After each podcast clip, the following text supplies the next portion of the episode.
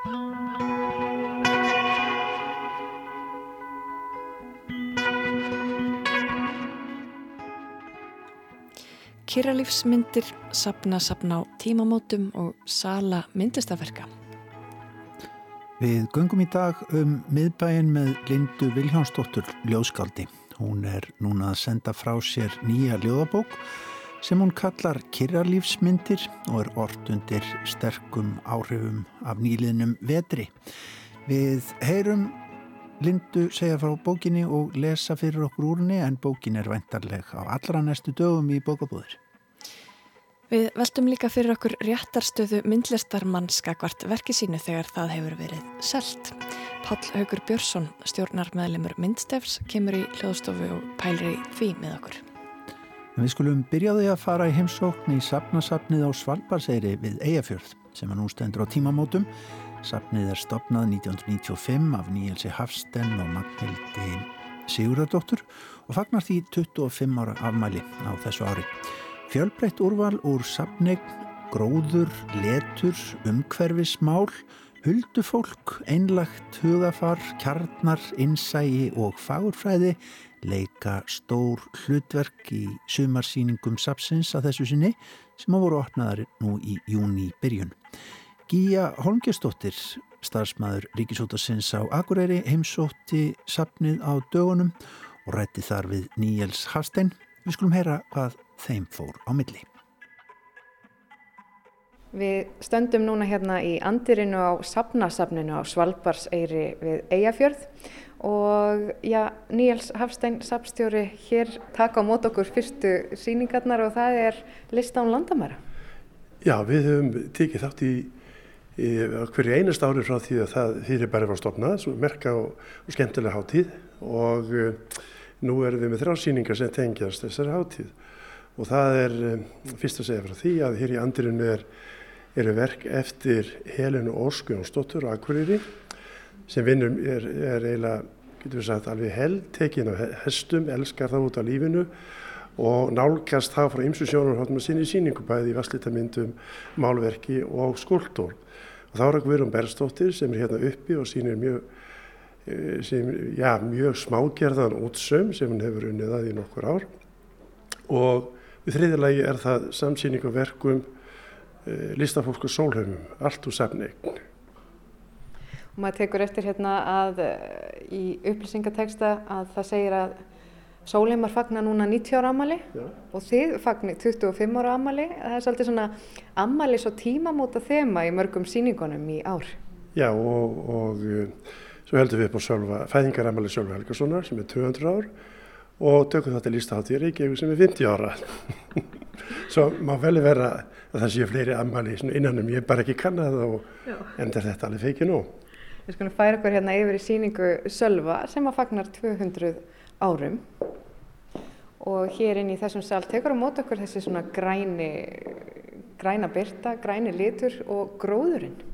Já, það er sko í, í suma síningursafsins er er gróðurinn, má segja, alls ríkjandi, svona léttar línur, uh, ekki, svona, bæði samþjöppun og getur við kallað svona gliðnun, svona andrými og uh, þessi síning með verkum sjálfa er um, áttunum eiginlega að vera eina síningin sem að, sem að var plönuð um hann En eh, síningarstjórin Harpa Björnsdóttir, hún í millitíðinni settu síningu á kærvastöðum í fyrra og á þeirri síningu voru verð sem hún fekk lána á þjóminnarsafninu og úr enga eigu og síðan voru þarna átíðan verk sem að, sem að hún fann í Kaupmannahöfn á sínu tíma þegar hún var rannsæk, æfi og, og feril sölva og þessi verk komu til Íslands sem gjöð til Íslandsku þjóðarinnar. En það eru fleiri verk út í Kvöpmannahöfn heldur en þessi átján því að þar eru tólverk í eigu fjögur að sískina. Eh, eitt er það heilagt í augum, eh, eh, einstaklingsins að, að það fer ekki út á heimilinu. En við fengum lánuð 11 verk og, og þau eru sínt hér. Síðan erum við með 5 verk úr samnirni og Já, og, og þessi, og tíu verð sem engarsafni sem voru á síningur að gera ástöðum. Já, en það eru er ykkur verk og, og nokkur hér sem hafa aldrei sérst áður ofinbarlega. Já, sko, það eru við um aldrei sínt okkar verk sem eru fimm og svo þessi 11 söngum að lánu frá kaupannu. Þannig þetta eru 16 í, í ný, nýstáleg verk þennilega séð og, og öll bara mjög falleg og merkileg. Við skulum hvara, þú syngdi mér áðan hérna elsta verki á þessari síningu sem er einmitt úr safnegninni. Já, það er, þetta eru upphafstafir.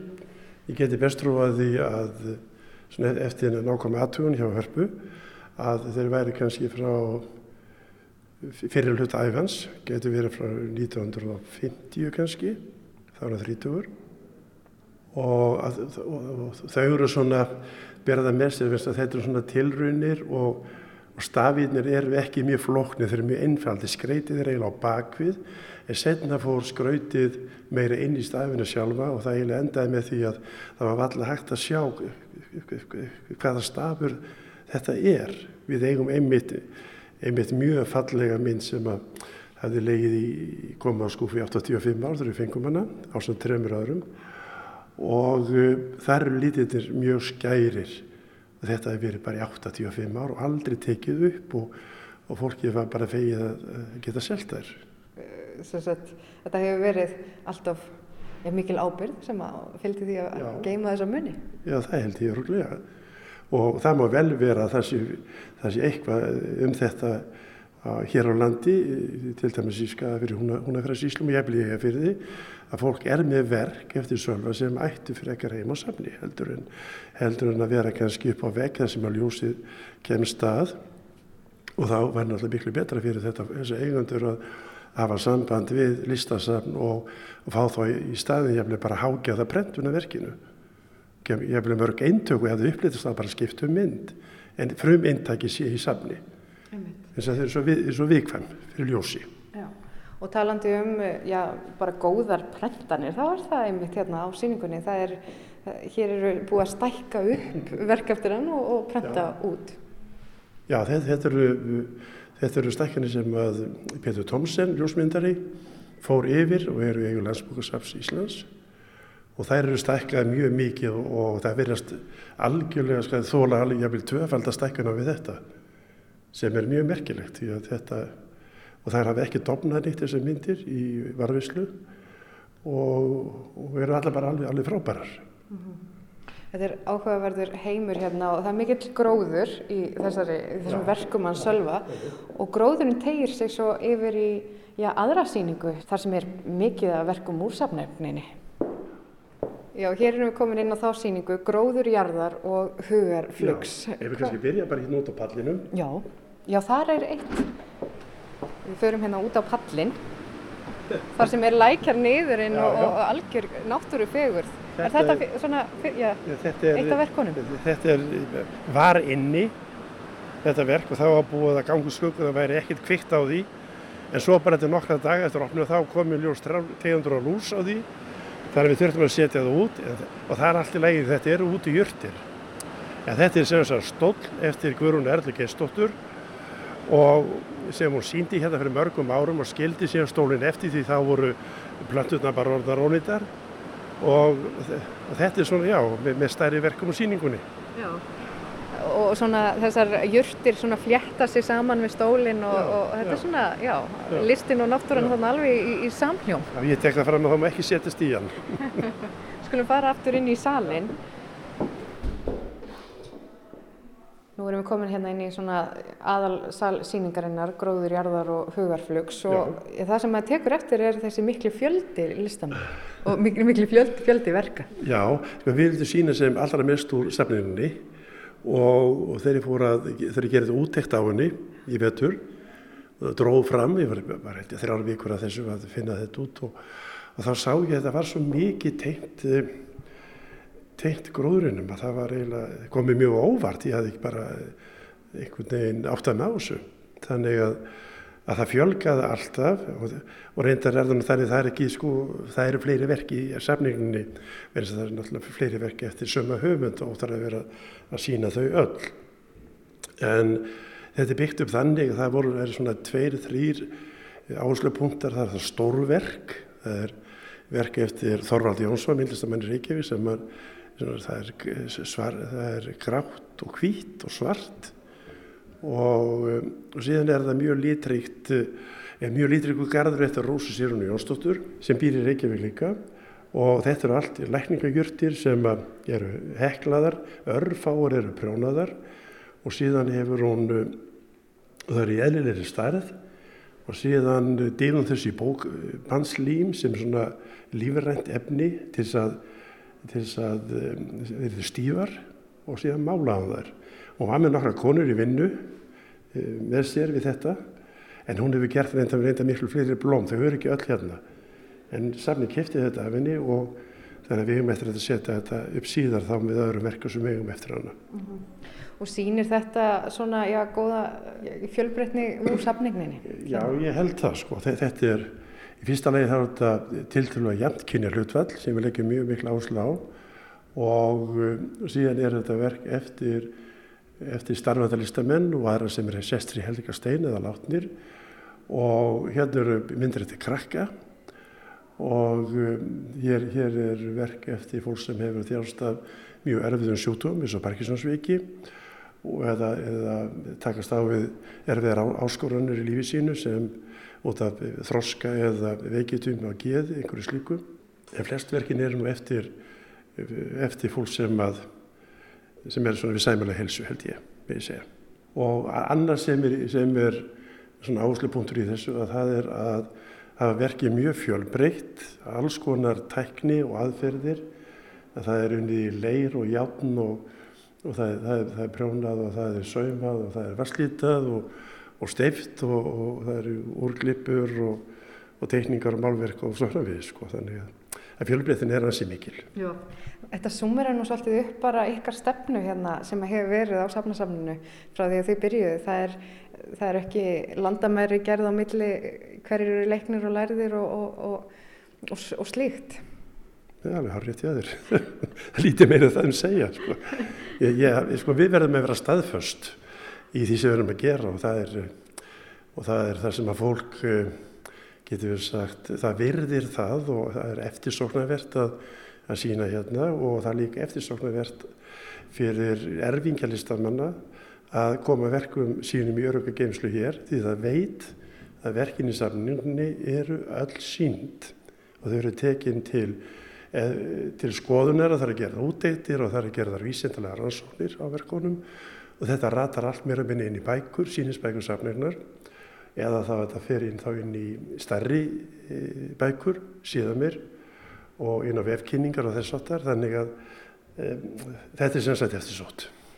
En hvernig svona þegar þú lítur tilbaka þessi 25 ár þegar þið stopnuðu safnið 1995, mm -hmm. hvernig hefur þetta verið? Uh, sko ef, ef við lítum tilbaka þá náttúrulega fyrir stopninsafsins það áttu við Mæklandur Séradóttir uh, þó nokkuð stórt uh, safnaverkum. Og þetta voru alls saman litlu skúltúrar því að við Við sáum að ef við myndum hefði hefði þetta björgunastarf það myndi mörg að þessu verkum lenda út í glugga þar sem myndi upplýtt þessu sól, fara á vegg í, í, á hillu sem er skemmast jafnvel þar eða þá að blessu börni myndi fá þetta þessar leikfung og þá var ekki að leikslokum að spyrja. Þannig að uh, þetta var svona kvati til að stopna safnið og síðan höfum við alltaf bætt við svona eftir efnum ástæðum, keift inn og fengið að gjöf og, og má segja að, að gafirna séu orða miklu umfórsmeiri heldur við áttu nokkuð tíma að vona á og samanskapi kaupið kannski færri verk því því að það er orðið örðuð sem pláss og mér sé fjargeimslan orðin full. En það sem skiptir öllum málið þessi sambandi er það að, að ná því takmarki sem við ásötum okkur í upphafi og það var það að að draga fram listamenn eða verk listamanna sem voru sett út á jæðar eða voru, já, svona, það voru bundir eitthvað fordómar við þetta fólk og verk þeirra, fyrirlitning og jáfnveil þöggun og þetta við tilum okkur hafa nátt þeim ánungri að sætta mjög ólíku sjónamið og búa til ákveðna heild þar sem allir geta notið sín og allir séu jafnir. Það skiptir mestu máli. Og já, hvert serðu svona safni uh, þróast næstu árin og í, í framtíðinni? Hvernig, Er, er ykkur að hugmyndur um það? Já, það finnum við eftir bara helsu okkar og, og, og náttúrulega fyrst og fremst fjármagni held ég. En það er svona, það er ákveðið draumar sem að svífa og er þannig með draumana sko og framtíða draumana að, að þeir þurfa kannski ekki allir að rætast. En það er einn ákveðin draumur sem að í stefninu núna ótróður að og hann er sá að að fá leiði fyrir því að byggja yfir lækin og færa þangað út uh, högmyndir eftir Ragnar heiti Pjartarsson frá Andriðanissi sem að flesta standa nú hérna í Andriðinu og tvær úti og fleiri eru til og endur gera gardinn alveg nákvæmlega eins og hann var með fossi og tjörn fá vatnulegnum og við þetta myndast um, mjög sérstakur ákveðin hljóð heimur það er þetta heimsækja þennar hljóð þeim á hvaða árstegum er og hann verður aldrei eins. En þess að á veturnar heyrum við bara rétt guttlið í læknum undir snjó, snjónum fyrir utan, náttúrulega er engi snjór inni og síðan þegar þeirnar og fyrir að lána að þá bólar í lækurinn upp og síðan dreygur úr honum þegar líður að sumar og kemur svona e, þessi tilfinning sem allir þekkja sem eru náttúrulega unnendur og, og hafa lagst niður við læk til þess að hlusta. Mm. Þannig að það er náttúra og, og, og gróður í framtíðaplönunum líka eins og á þessum síningum sem eru hér. Já, alveg á rétt. Takk fyrir að leið okkur hérna um safnasafnið Níels Hafstein, safstjóri og til hamingi með 25 árin. Takk að þér fyrir kjærlega. Þetta var sendinga norðan frá Gíu Holmgerstóttur sem heimsótti safnasafnið og rætti þar við stopnanda safnsins Níels Hafstein.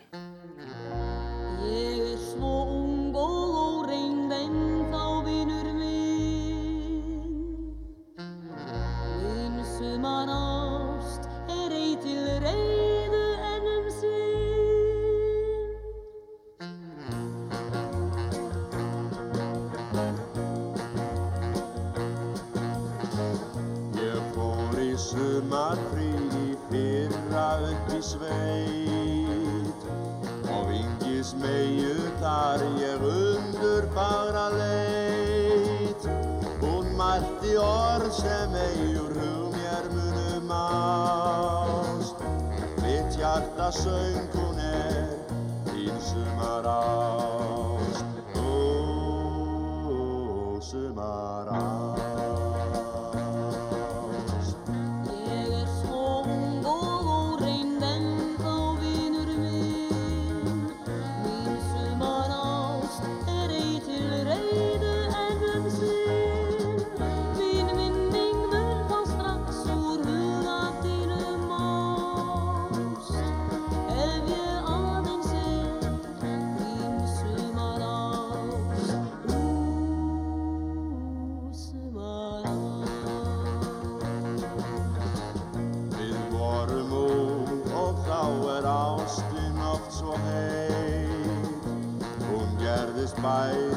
og ósköpundir leit.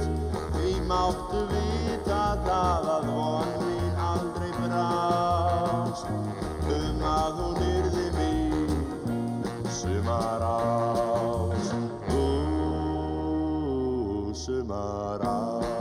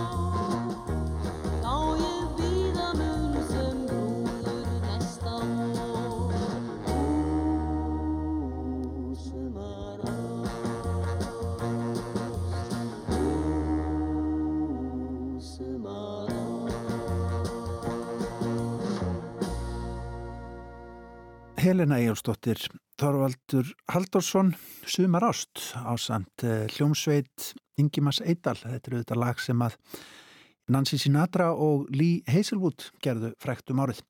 En yfir í allt annað. Pál Haugur Björnsson, myndlistamæður og stjórnarmæðlimur myndstefs fyrir hönd símer sesturinu hjá okkur og um, allar þess að spjalla við okkur um já, rétt eh, myndlistamanna og, og myndverka eiganda og fleira. Velkomin Pál. Takk fyrir það. Eh, ég var að velta fyrir mér eh, út frá síningu á, á samtíma verkum sem er nú í gangi í listasafni Árnesinga. Þá fór ég bara svona að hugsa um, um, um það að að vera myndlistamæður og fara á svona síning og sjá verk eftir sjálfa sig hvar í rauninni réttindi myndlistamannsins eða hvaða réttindum hann afsala sér við sölu á eigin hugverki getur þú eitthvað leitt mig nær, nær því svari? Já, svona ykkur leiti um, þetta er uh, þetta eru mörg svona grá svæði svolítið í kringum þetta en svona lagalega séð þá er í raun og verið ekkert aðtöðavert við þetta að sá sem hefur keft myndlistaverk sínið þau aftur. Uh, nema sko það sem snýr í raun og veru að þess að því sem kalla sæmdaréttur sem uh, sagt, snýr að, að samhengi og ef brotið er raun og veru bara á hérna, sæmtöfundar á einhvern nátt en það er aftur mjög mikið svona álítamál hvernig það fer fram og hvort það eigi sér stað. Og það er þá vantilega eitthvað svona eftir á dæmi. Já, í raun og veru sko, það þú veist, þá getur listamæður hérna, raunverulega reynd bara svona hérna uh, að sækjast eftir breytingum eða, þú veist, þess vegna reynd að fara í einhvers konar málsók, en það er og veru en, engin lög svona í kringu það, þú veist, það er, já, það er engin fordæmi, það er því svona kannski bara svona first timer sko. Ok, þannig að þáttu við ef að, ef að e, safnari myndi ákveða að taka verk eftir þig og, og um, nýta það í einhverjum, já til dæmis í auglýsingaskinni fyrir eitthvað sem að stríðir fullkomlega gegn þinni betra saminsku eða Já, sko, í raun og veru ef að það er, já það, ég, held að, ég held í raun og veru að þá er það orðið strax öðruvísi ef, að, ef að það er farið að hérna í raun og veru uh, búa til eitthvað svona pening þú veist, eins og notaði í auglýsingum.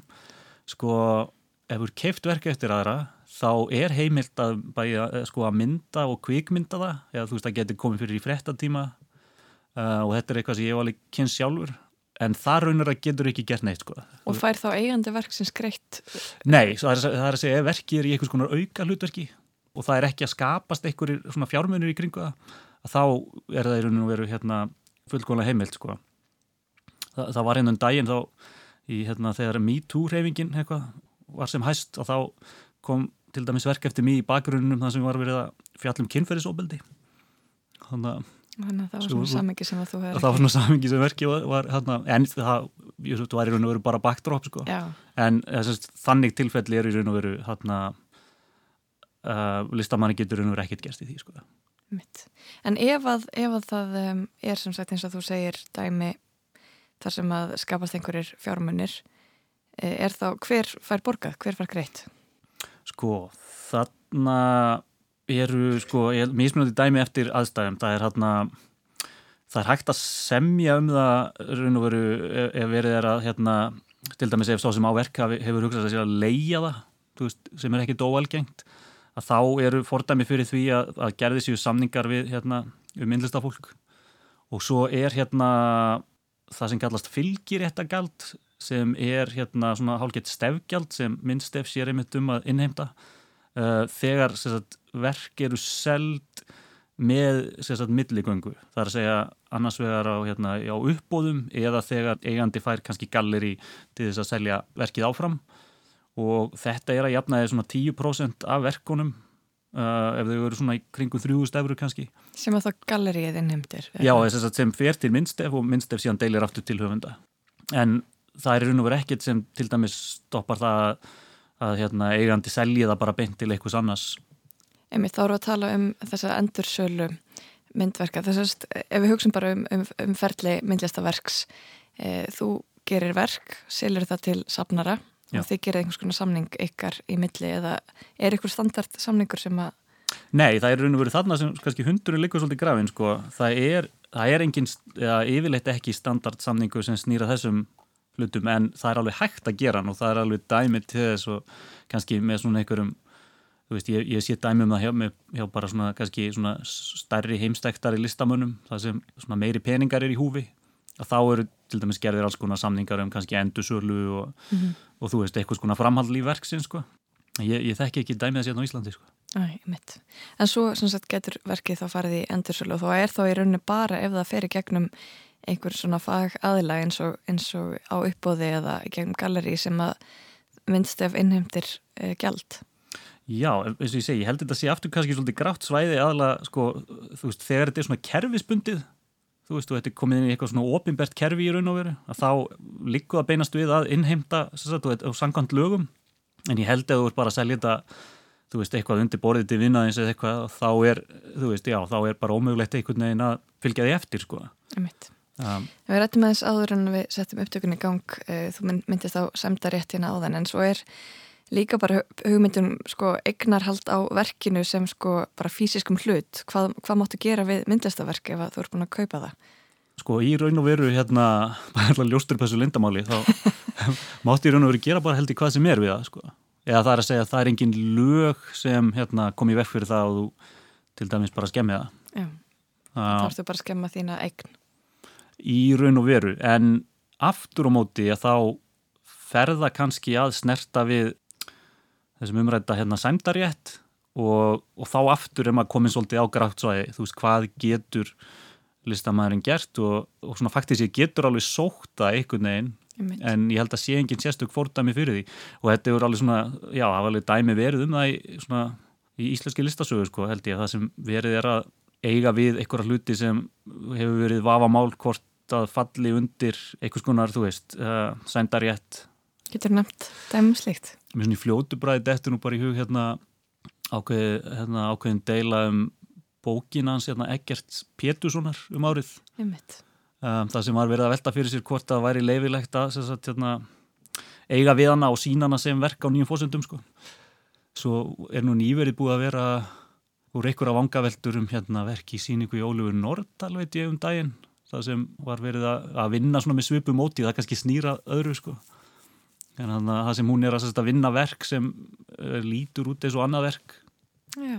í raun og veru sko en það er kannski meira svona að stela eða Nei, það var, ég var nú ekki stuldur eða neitt þannig fólki sko, ég var ekki að fara að koma að staða einhverju hérna, einhverju ruggli sko, nei, hérna, nei, þetta var meira svona bara einhvern veginn svona konceptual vísun í eitthvað annað sko, Já. en þá, þú veist, þetta er alltaf á einhverju svona, þú veist, þetta fer allt einhvern veginn á svona já, eitthvað svona mjög loðið grátt svæði sko. Akkurat, það er ekki til svona reyn og skýr lögjöf um að nákvæmlega þetta Nei, í raun og veru ekki sko og, og svo aftur á móti þú veist, fólk kannski nálgast minnsteg með alls konar mál og þá í raun og veru er það eina sem minnsteg getur gert er kannski að hérna að svona leiðbina fólki og hérna og fræða þau um þú veist lögin og svo er alveg hægt að fylgja málum áfram sko inn í hérna dómskerfið en ég held að verði bara ekkert svo mikið úr því. Bæði, þú veist, þá náttúrulega hérna, þarfstu bara að býða þessi þrjú ára áður um, þú veist, máliðið tekið fyrir og svo eru enginn fordæmi fyrir því þú veist, hvernig á að dæmið þeim í flestum tilfellum. Ég er nú verið bara allt sem snýra peningum er, þú veist, auðsótt. Þú veist, við, þú veist, það er bara einhvern veginn samfélagi sem við búum í, sko. Þannig hann að meiða sko, peninga eða tekjumöguleika að þá, þú veist Já, þá er þessu eftir í forgang en einn leið og þetta er bara einhvern veginn listræns eðlis eða personlegt eða, eða þú veist snúað hérna tilfinningum listamannsins að þú veist á einhvern veginn áttu minni séans. En að því við vorum að tala um endursölu og, og þetta leiði til að gera hvað sem er við verkið, ég gerir aðferðir að ef þú klippir verkið sundur eða, eða brennir hluta af því eða já, svona kem, kemur fysiskt að verkinu þá missir það í rauninni gildisett í endursölu. Já, um, sko, já þarna, líka á þess að það. þykast verið eitthvað sérfræðingur í því sko, þá er líka þetta svona gildi listaverka svolítið svolítið fyrirlegt sko. Þú veist, og náttúrulega einhver, þú veist, einhver leiti bara eitthvað svona skem líka. Þú veist, þessi svona hugmyndum að þetta bara svona hækki og hækki og hækki sko.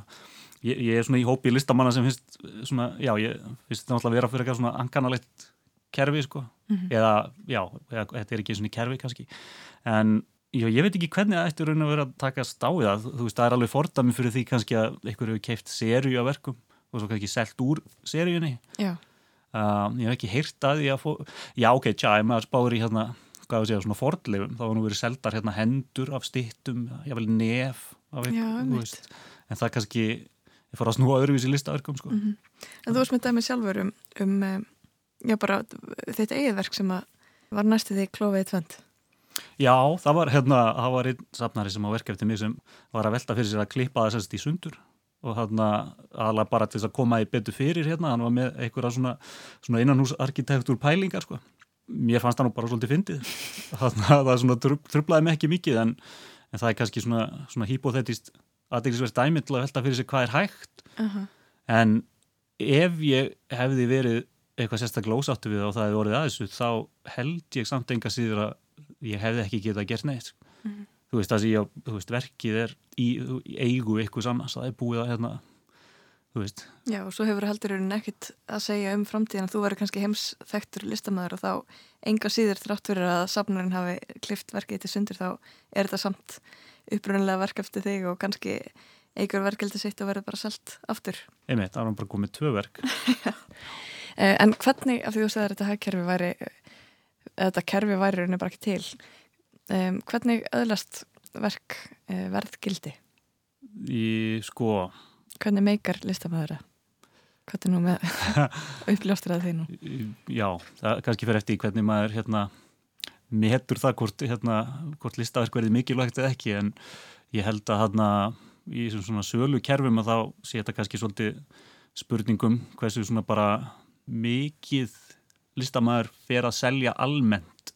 Þú veist, þetta er svona eitthvað svona bolti sem hérna sem svona eitthvað neginn svona, eða þú veist, e- já, eitthvað svona, eitthvað svona sem vindur, vindur svolítið upp á sig. Þannig að því meira þú selur og því fleiri þú selur því hærra verður ver, verðgildi verkana Mm þangað til að eflust næra einhvers konar einhvers konar þakki sko. Hvað með bara síningar, samsýningar, eh, samtíma, tökum bara dæmi um sýninguna hérna fyrir austan. Það er safnari sem á all verkin, Já. Leggur þau til. Hver far greitt fyrir sýninguna? Já, það er góð spurning. Ég myndi halda í þessu tilfelli að þá sé jafnvel ekki verið að greiða fyrir sýninguna. Ég þekki það ekki fullkomlega um, en ég held að ef segjum sér svo að þessi ákveðni safnari fengi greitt fyrir sýninguna sem væri þá eða myndi þá heyrundir einhvers konar leigu þá er hann að leia safninu verkin að þá geta listamennir umverulega svo dréttin Mm um, og þá, þá er þetta farið að heyra einhvern veginn undir hvað maður segja, þessi hennan svona hum, hugmyndafræðilega eignar rétt sko, uh, mynd höfundarins líka. Mhm. en ef um ekkert slíkt er að ræða þá er eiganda fullkomlega heimilt að hérna, að sína verkin og jafnvel no- nota, nota myndir eða annað í þú veist, einhvers konar kynningaskinni svo framaðast að það snýr beint að síningunni Akkurat. Ég myndi mér að sem safnari þá sé þetta mjög eh, góð leið til þess að einmitt auka gildi eignar sinna að, að eh, koma þeim með umræðina. Já, kannski, það gæti verið spurning um, Og það má líka segja að þetta sé win-win staða, þetta sé sigur fyrir alla því að listamenninar fá þetta líka umtal. Já, ég held svona í flestum tilfellum þá fagni myndist þetta fólk bara því að hérna, taka þátt í sýningum og koma sínum verkum á framfæri svo framalega sem að það sé ekki verið að nota þau hérna kannski í einhverjum förðulegum hérna pólitískum tilgangi. En, en af hverju er svona vandræðilegt að tengja saman peninga og, og listsköpun? Sko, prívat og persónulega finnst mér það ekkert vandræðilegt svona í, á, á bara einhvern svona, í einhverjum svona skynsalegum fósendum. Ég meina, við búum í samfélagi sem hérna, er kapitalist, þetta er markasækjerfi, þú veist, fólk fær greitt fyrir vinnu sína og fær, þú veist, greitt fyrir uh, hluti sem það býr til, þú veist, eila á öllum sviðum. En myndlistamenn hafa svolítið hérna setið á hakanum með þetta. Um, ég held að spurningin sé kannski frekar, þú veist, hvernig og hvar kannski myndlistamenn fá greitt. Þetta hingað til að hafa til dæla litli peningar verið að koma til dæmis frá ofinbjörnum stofnunum þó að hafi orðið mikil bót á síðustu, síðustu árin. En það er svona svolítið kannski, já, þú veist, ég held að sé svona myndlistamenn dreymir um það að fá kannski greitt fyrir vinnu sína án þess að þurfa kannski að selja verkin einhverjum sérstökum.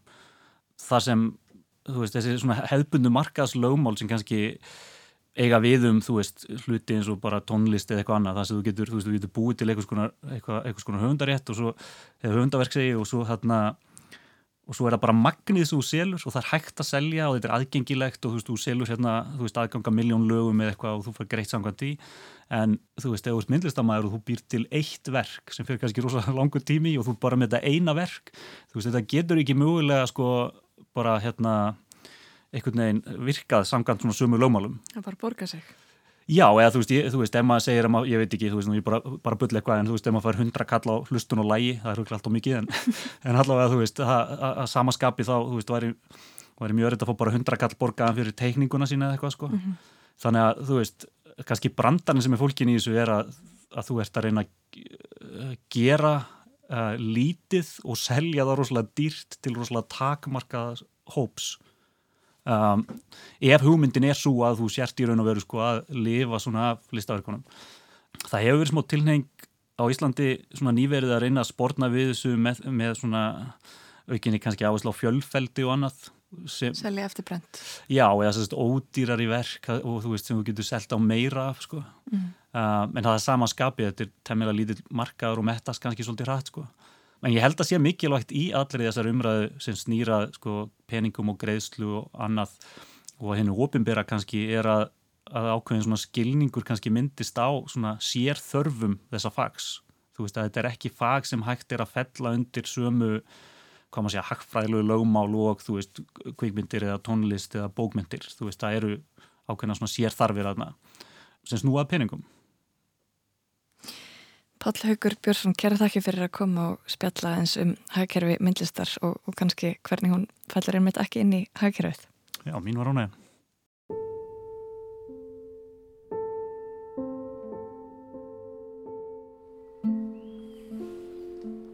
Loftið svo tært um þessar myndir að andgufa náungans sem kemur gangand á móti mér kallar fram orðið loftslagsvá.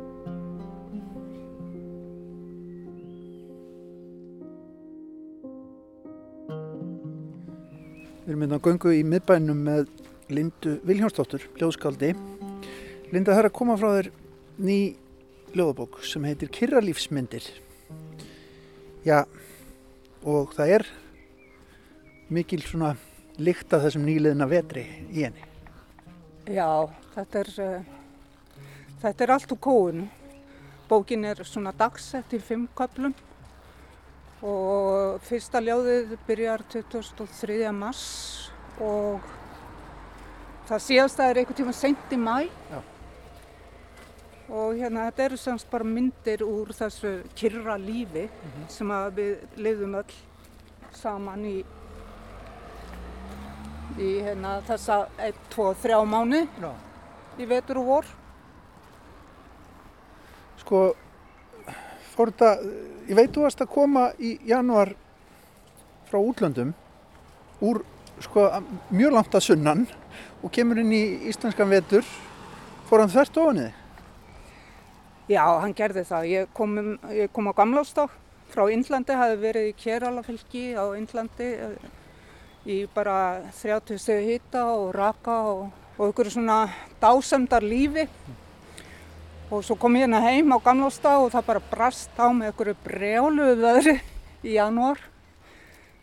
Og það bara stóði yfir einhvern veginn meiri partin í janúar og ég var eitthvað svona hálslöpp eftir flugið hafði eitthvað snúið upp á mig í jóka þannig að ég var hérna með einhverja verki sem ég vissi ekki hvort það var í lungunum eða aukslun eða hvar. Og hérna var svona hálslöpp í halva mánuð og svo bara held þetta áfram einhvern veginn mm. að hérna veðrið held áfram og svo komur snjóflóðinn og uh, þegar maður var rétt einhvern veginn búin að jafna sig á því að þá brast á með þessu, þessari kórunuveru ja. og ég fekk flensu nákvæmlega á sama tíma og, og hérna kórunuveru greintist og átt alveg í henni í mánuð og hafði nú sjálf að mig gruna um að vera með þessa veru en fekk ekki að fara í prófa því að því ég var ekki með hvef mm -hmm.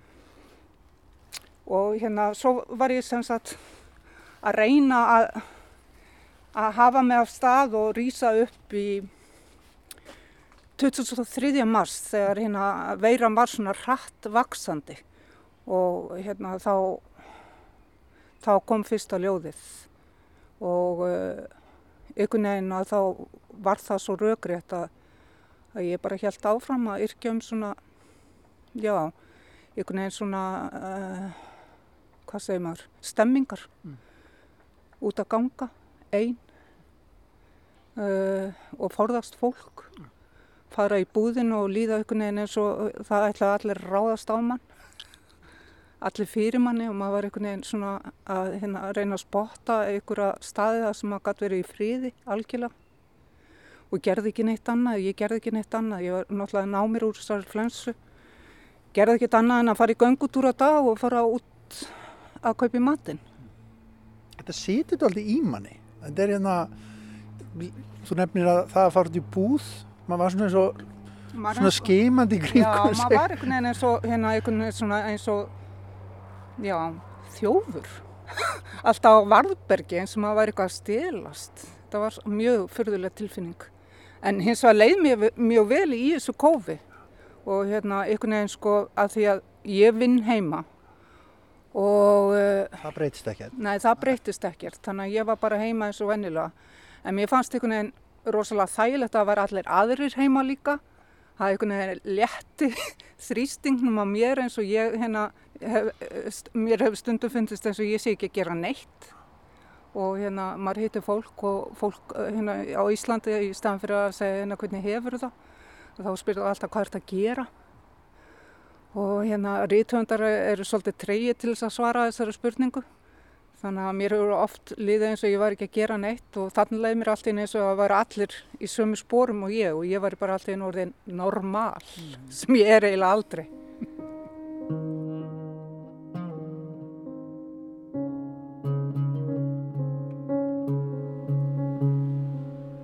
Skilningur okkar á píslarsögunni dýfkar svo um munar þessa postbiblísku páskahelgi.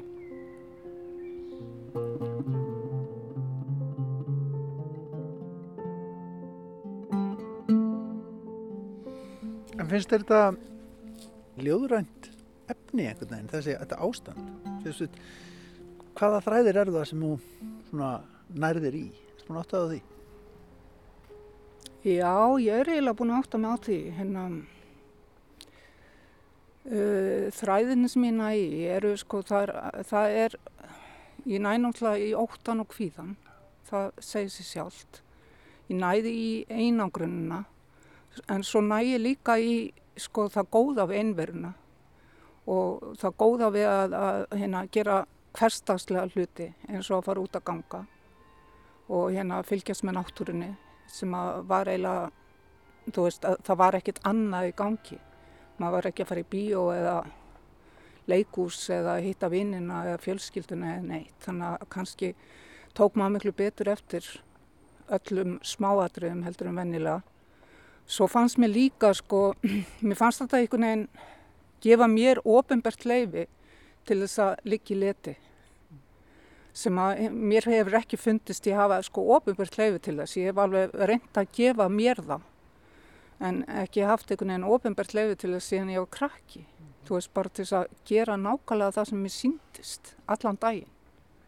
Og það var svo skrítið að hérna, oft er ég einhvern veginn að pína mig til þess að sitja við tölvina að því að að því ég, mér finnst að ég hef verið að skrifa allan daginn sem maður gerir náttúrulega aldrei að þarna var ég ekkert að því ég var ekkert að hugsa um það en þá satt ég alltaf meir og minna við hana. Já. Það er hérna eitt ljóð sem ég ætla að fá þetta til að lesa fyrir mig. Það er hérna það endur speklar uh, eh, daldið Ísland og Indland síðan þann sem hún varst að koma hann í januar uh, frá Kerala hér aði uh, þetta er auðvitað kannski forréttind okkar að vera bara með plássið í kringum okkur er það ekki? og geta í rauninni brúðist við svona vágæsti Jú, jú, þegar maður er, hefur verið á svona stað þá sér maður það mjög skýrt sko og, og kannski en þá skýrar að því ég var svo nýkomin heim verður hugsað til tróðfulla byggstofiskílisins hjá doktor Stemmi í kokki í Kerala rétt fyrir jól. Þeir veikustu sátt á kollum en aðrir stóðu saman í kös og byðu kurteisinn uppmáluð í óbærilegum raka og þrengslum. Þau fóru tvö og tvö saman inn til læknisins. Kona með bann, kona með manninum sínum, dóttir með móður og önnur með föður. Konunnar klættar í sari með gullarbönd og skrautlega byttur, kallanir í lungipilsum eða kakibuksum og stutterma skýrtum. Allir verfættir og fátæklegt skótau í hrúu á sjóðheitri stjettinni utan við skílið.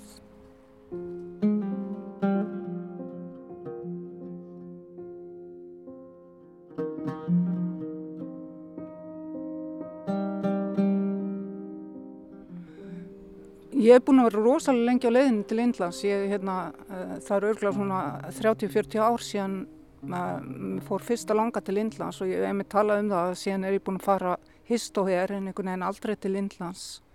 Búin að fara til Írans, til Arabalandana, til Kína og, og einhvern veginn en samt aldrei til Indlands. En svo hún hérna Þóra hótelhaldari á Seyðisfyrði að hún er með hótel í, í hérna Kotsi í Kerala og hefur síðustu árin verið með uh, residensi fyrir listamenn og þegar ég frétt af því að þá náttúrulega fannst mér alveg tilvalið að fara þángað. En það hafa samt alveg liðið svona 5-6 ár sem ég hef verið að spá í þetta. Svo dreifi ég mig lóksins og hérna Indland stóð sko algjörlega undir öllum mínum hérna björtustu vonum. Mér finnst, svo, mér finnst uh, mest spennandi við að ferðast að koma bara á staði sem að það sem að er sko lendir bara í öðrum veruleika. Það er svo skrítið að koma á staði það sem að sko bara er ekkert vestrænt í rauninni. Hérna, þeir veginn bara þurfa ekkert á okkur að halda þessum vestræna heimi. Og, þú veist, ég var eitthvað að reyna hérna, að horfa á Netflix þannig, að komast á Netflix á kvöldina þegar það var ekkert sérstatt að gera. En þú veist, ég gæti ekki einu svona farið inn á Netflix að ég var ekki með indvest vísakort. Þannig að hérna, ég bara var þarna í þessum indverska fílingi og það er náttúrulega miklu, miklu skemmtilegra. Sko, Linda, fólk hérna veldir fyrir sér núna svona hvað, hverju þessi, þessi pest muni breyta í samskiptum okkar. Þú kannski líka ert aðeins að velta því fyrir þér í þessari bók. Hvað sér þú fyrir þér í, í þeim efnum? Breytir þetta einhvern veginn hvernig við tölum saman eða hvernig við hérna hvernig við höfum okkur við svona gagvart hvort öðru? Það er ekki bara hægt að segja það það er bara hægt að vona. Mm. og ég er náttúrulega að vona það. Mér finnst allir ennþá miklu rólegri og, og yfirveðari og einhvern veginn hérna sáttari við eh, hverstægin heldur um fólk hefur verið ekki að þetta hæp í gangi sem manni finnst alltaf vera hérna. Þegar ég kem heim frá svona löndum eins og Innlandi og hérna Arabalöndunum þá hugsa ég alltaf að nú ætla ég ekki að festast í þessari íslensku rútínu. Nú ætla ég bara að vera hérna róli og, og vera bara í mínu. Að því ég geta sko, þú veist ég er bara að vinna heima, ég, ég geta alveg. En hún einhvern veginn grípur mann alltaf þannig að maður er alltaf komin sko í fymtagýra og maður veit af. En hérna, mér finnst að við séum ennþá allavega bara í þriðja og ég vona að við getum haldið okkur þar. Það er besti gýrin, þriðji gýr? Þriðji gýr er fín, sko. Hann er svona næstuði hlutlaus, finnst mér. Annar gýr er oflítið.